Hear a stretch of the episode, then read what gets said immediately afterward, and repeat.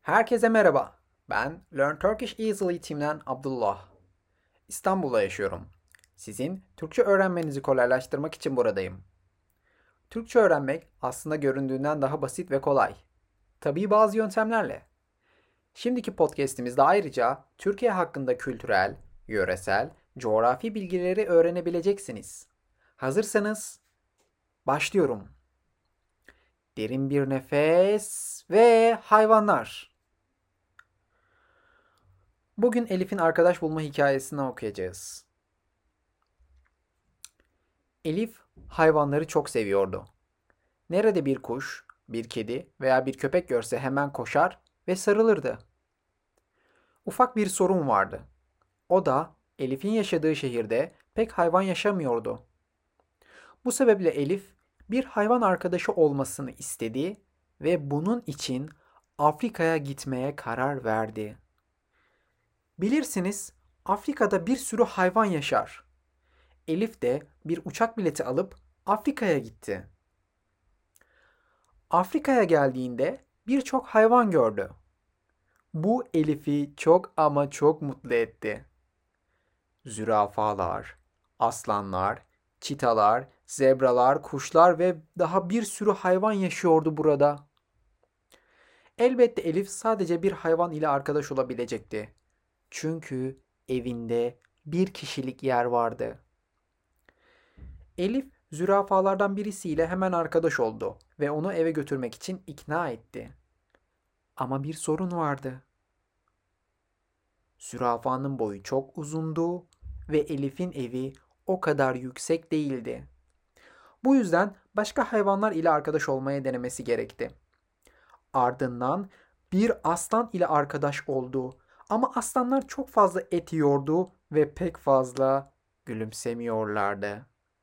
Bilirsiniz, aslanlar çok ciddi hayvanlardır.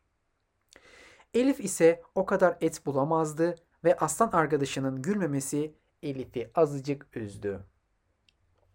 Sonra bir çita ile arkadaş olmak için ona yaklaştı. Ama çita hızlıca kaçtı Elif'ten. Elif'in hayalleri biraz yıkıldı. Ayrıca Elif yorulmuştu da çünkü Afrika gerçekten çok sıcaktı. Bir ağacın gölgesine oturdu ve yanında getirdiği krakerleri yemeye başladı. Birden inanılmaz bir şey oldu. Tam karşısında bir papağan Elif'e ve elindeki krakerlere bakıyordu. Elif onunla krakerlerini paylaştı ve hemen arkadaş oldular. Papağan hızlıca Elif'in ismini öğrendi. Elif'e etrafı gezdirdi. Birlikte geceleri yıldızlara bakıp hayal kurdular. Karıncaların yuva yapmalarını izlediler sabırla. Papağan bildiği bütün fıkraları Elif'e öğretti ve karınları ağrıyana kadar güldüler. O kadar çok güldüler ki orada uyuyan bir su aygırını uyandırdılar. Böylece birbirlerini çok sevdiler. Sonra gitme günü geldi ve papağan Elif'le birlikte gelmek istediğini söyledi.